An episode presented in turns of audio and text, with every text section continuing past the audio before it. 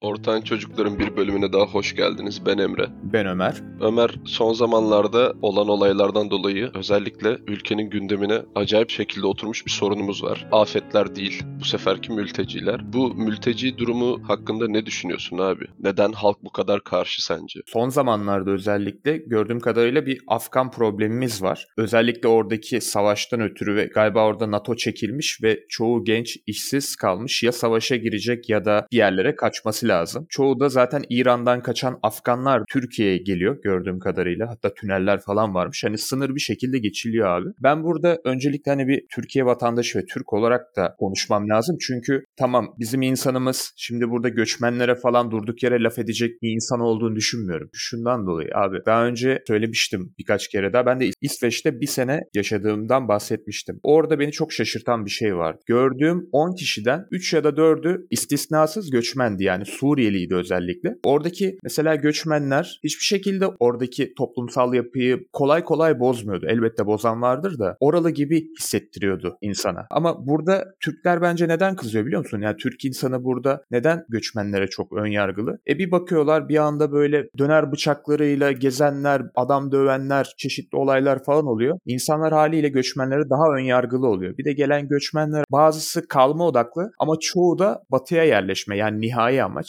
Bizim Türkiye'de bir ara durak burada. Öyle olunca da bu kafadaki adamlar da burada istediğimi yaparım, kötü işlere, illegal işlere bulaşırım, ülkeyi kirletirim kafasında olanları da oluyor maalesef. E insanlar da bunları görünce çok gücüne gidiyor. Yani düşünsene birisi senin ülkende istediği gibi at koşturuyor. E sen tabii ki de bu adama kızarsın. Niye kızmayasın? Yani göçmenlik konusunda da yani ben de bu kadar kontrolsüz bir şekilde mülteci almamıza çok katılan bir insan değilim. Çünkü benim de mesela biliyorsun İngiltere'de ihtisas yapma gibi bir hayalim var. E çünkü bilimin yurt dışında Avrupa'da ülkemize göre daha gelişmiş olduğunu biliyoruz. Hani sonuçta oradaki o bilimi almamız ve bir şekilde ülkeye getirmemiz de gerekebilir. Yani bak korona aşısını bulan Türk asıllı insanlar Türkiye'de bulmadı. Almanya'da buldu. Bu örneği hep veriyorum benzer bir konu olduğu zaman. Ülkemizde geri kaldığımız çok alan varken yatırım yapılan yerler genelde bilim değil. Ben ondan dolayı bilim amaçlı düşündüğümde yurt dışına gitmek isteyen biriyim. Ama ben gitmek için 50 tane takla atıyorum. Kendi prosesimden bahsedeyim kısaca. İlk önce dil sınavını geçiyorsun. OET adlı bir tane dil sınavını. Yeterli puanı aldıktan sonra İngiltere'ye gidip yazılı sınav oluyorsun. Sonra o sınavı da geçersen İngiltere'ye gidip sözlü sınav oluyorsun. Ve ondan sonra Tabipler Birliği'nin eşdeğeri bir kurumu var orada. Oradan kabul aldıktan sonra İngiltere'deki hastanelere başvurabiliyorsun. Eğri oturup doğru konuşalım. Gelen mültecilerden daha kalifiye bir eğitim aldım ülkede değil mi? Çünkü bizim ülkemiz Afganistan'dan daha gelişmiş. Afganistan kadar çok savaş alanı, muharebe alanı olmamış bir yer ve hani bizde düşük orta sınıf ailelerin çocukları olarak bildiğimiz tek bir şey var. Okul okumak. Benim yurt dışına gitmemle onların buraya gelmesini karşılaştıran insanlar görüyorum. Ondan dolayı çok saçma geliyor bana. Bir de gelen insanlara bakıyoruz abi. Gerçekten ilgimi çeken olaylardan biri kadın ve çocuk yok. Hep genç erkekler geliyor. Bilmiyorum belki bizim yetişme şeklimizden dolayı. Ben mesela ülkemde kalıp savaşmayı tercih ederdim. Elim tutan genç bir erkek olsam ülkemde kalıp savaşmayı tercih ederdim. Ama bunu Afganların tercih etmediğini görüyoruz. Milyonlarca kontrolsüz bir şekilde. İddialara göre İran bayağı tırlara bindiriyor ve ülkeden geçirip sınıra salıyor. Videoları gördük. Ne kadar doğru ne kadar yanlış bilinmez şimdi. Bir tane mesela Afgan var. Diyor ki İran'da Afganların parklara girmesi bile yasakmış. Bir tane parkta baba ve çocuğu görüyorlar. Afgan bunlar. Babası diyor ki yani bir kere öyle bir dayak yedim ki kızımın önünde onu hiç unutamıyorum diyor. Zaten İran'da ne İran Afganların kalmasını istiyormuş ne de Afganlar İran'da kalmak istiyor. O yüzden de o taraftan hani bayağı bir bu tarafa doğru bir kayma olmuş. Bu büyük bir sorun. Kontrolsüz bir şekilde bu kadar insanı alıyoruz ve bu insanların şehirde huzuru kaçırdığını görmek çok zor değil. Haberleri okuyoruz. Ya bir taciz, tecavüz olayı oluyor ya bir cinayet olayı oluyor. Mesela yakın zamanda BBC Haber'den okuyorum. Altındağ'da yaşanan bir olay var. Burada yanlış hatırlamıyorsak Suriyeli bir grup Türk bir vatandaşımızı öldürüyor ve ondan sonra mahalle dayanamayıp Suriyelilerin kaldığı yere vandalizm yapmaya başlıyor. Bu göçmen sorunu çok fazla göze battığı için ülkenin şu an en fazla göze batan iki sorunundan biri göçmen sorunu. Halk da artık bu durumdan inanılmaz rahatsız. Hani bunun artık siyasi bir parti inanış vesairesiyle bir alakası yok. İnsanlar ülkede göçmen istemiyor. Eğer sen alanında kalifiye, başarılı bir insansan dünyanın her yerinde kendine bir yer bulabilirsin. Ben bunu Twitter'da gördüm bugün. Doğru mu değil mi bilmiyorum ama Türk Hava Yolları'na ait uçakların Kabil'den sefer sayısı olmadan Kanada'ya Afgan mülteci taşıdığını ama böyle kalifiye, işi gücü olan olan okumuş Afgan mültecilerin taşıdığına dair bir şey gördüm. Doğru mu yanlış mı bilmiyorum. Twitter'ın yalancısıyım. Yani baktığımız zaman bu Suriyelilerin 9 yıl veya 10 yıl önceki göçünde de baktığın zaman abi hep böyle kalifiye olanların hepsi Almanya, Kanada, Avrupa ülkeleri. Mesela sen birinci elde İsveç'ten görmüşsün yani mültecilerin üçte biri Suriyeli diye. Hepsi gitti. Bize kalifiye olmayanı yani ülkeye bir yararı olmayacak vatandaşı kaldı. Göçmen alırken tüm Avrupa ve dünya nedense ülkesine bir yararı olsun veya bizim kalifikasyon yani yetenek standartlarımıza uysun diye bakarken biz bakmıyoruz. Bunun altında yatan neden kimisi diyor ki işte onlar bizim ümmet kardeşimiz bilmem ne. Diğer tarafta diyor ki bu mülteciler Avrupa'nın huzurunu bozmasın, ülkemizde kalsın diye hükümet para alıyor diyor. Aslında bunun en büyük sebebi şudur. İnsanlara şöyle empoze ediliyor. Biz Müslüman dünyasının hani lideriyiz. Biz başka insanlara karşı merhametliyiz falan. Bu pompalanıyor tabii o ayrı konu. Ama esas sebebinin ben ucuz iş gücü olduğunu düşünüyorum. Ucuz iş gücü olarak gerçekten önemli bir yer teşkil ediyor. Ya tabii ki bu ucuz iş gücü devletten daha çok işverenlerin hoşuna gidiyor. Sigorta yapmana gerek yok. Zaten legal bir dokümantasyonu yok. Baya böyle karın tokluğuna resmi rakamlara bakarsan şimdi Afgan işçiler gelmiş günlük 50 lira yevmiyeye çalışıyorlar. 30 gün aralıksız çalışsa 1500 lira. Türkiye'deki askeri ücretin bile altında bir ücretle sen iş çalıştırabiliyorsun ve milyonlarcası girdi ülkeye. Yani biri işi beğenmezse kovarsın. Hiçbir hakkını savunamayacak. Ondan dolayı sıradan vatandaş hariç herkesin işine gelir bir şey. Göçmen sorunu ilgili yapılan açıklamaları ben çok yetersiz buluyorum. Bunu BBC Haber'den şu an okuyorum. 11 Ağustos 2021 tarihli bir haberi var. Cumhurbaşkanı Erdoğan, Taliban ile yaşanılan süreç çok sıkıntılı bu konuda bazı çalışmalar yapıyoruz. Onların lideri olanı kabul etme durumum olabilir demiş. Siyasi olarak baktığında da böyle bir lideri kabul etmek, onun resmi varlığını kabul etmek gibi de olduğu için çok desteklenebilecek bir hamle mi? Bu benim yorumunu yapacağım bir şey değil. Yapılan açıklamalar da yeterli değil. Halk sürekli provoke olmuş durumda. Zaten sıkıntılı olan bir ülkeye 4 milyon Afgan mülteci soktuk. Ondan önce de kaç milyon gayri resmi Suriyeli göçmen soktuk. Hiçbir ülkesine geri dönmüyor. Mesela Avrupa bu göç yönetmelikleri konusunda çok acayip katı ama bizim ülkede aynı katılık yok. Hani Avrupa bizi kıskanıyor'a inanan varsa bizi dinlemesin. Bu kadar başarısız bir göç politikası yürütürken ülkede de inanılmaz çok fazla sorun var. Yani mesela podcast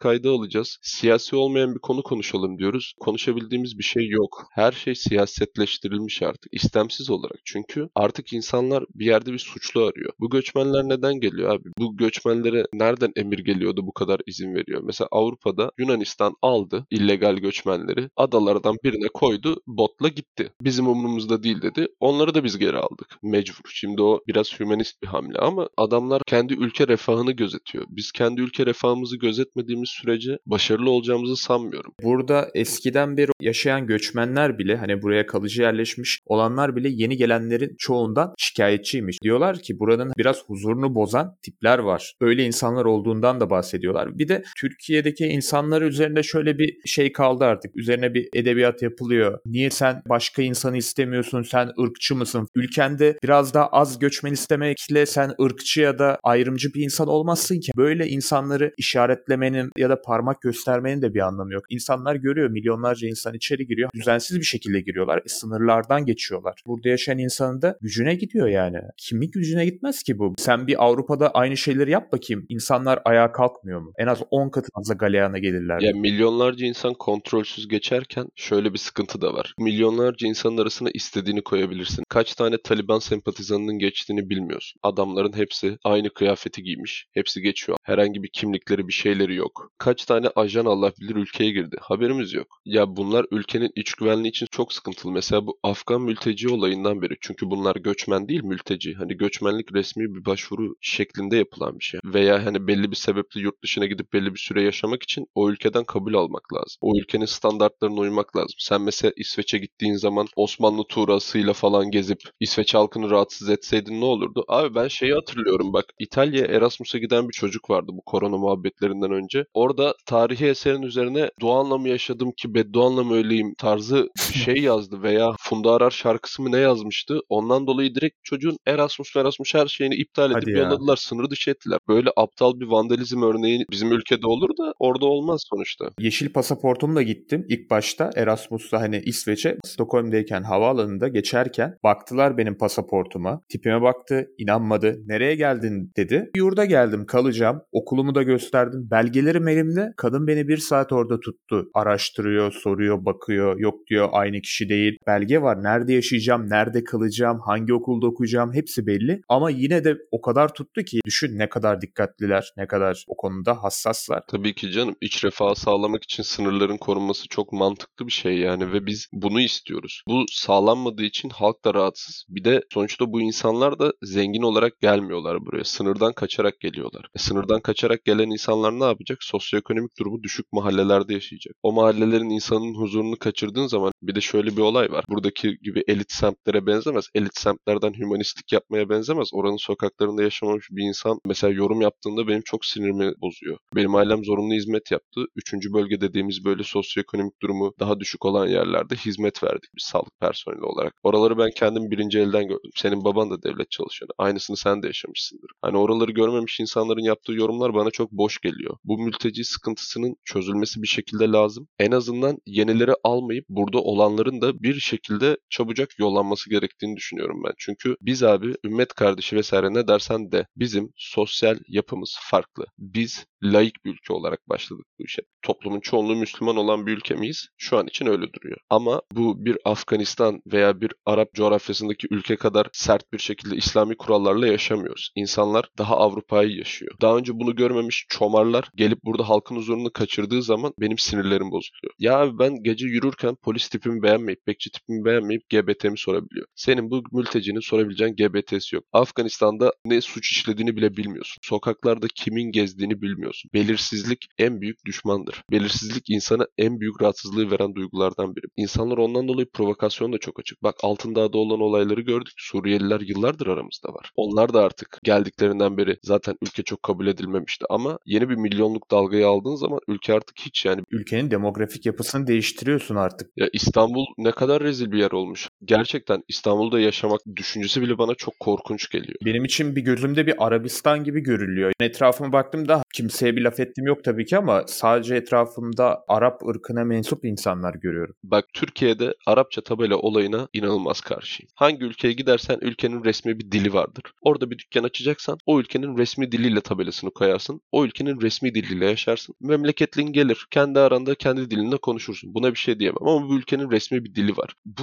bana inanılmaz saçma geliyor. Ya abi bak örnek verdikleri bu Chinatown'lar bilmem neler falan var ya Amerika'da mesela Çinliler veya Asyalıların böyle yaşadığı mahalleler oluyor vesaire. Abi orada bile tabelanın üstünde İngilizce yazıyor, altında Çince yazıyor. Ama Türkiye'de öyle değil. Direkt Arapça tabelalar var ya. Ülkenin bu son yıllarda geldiği hal hiç hoşuma gitmiyor. Türk halkı normalde hoşgörülü bir halktır ama sürekli aynı şeyi hani bir şey istemiyoruz dedikçe sürekli sürekli yapılması artık halkın da umurunda değil. Artık insan can derdinde ya. Sokakta insanlar rahat yürüyemiyor.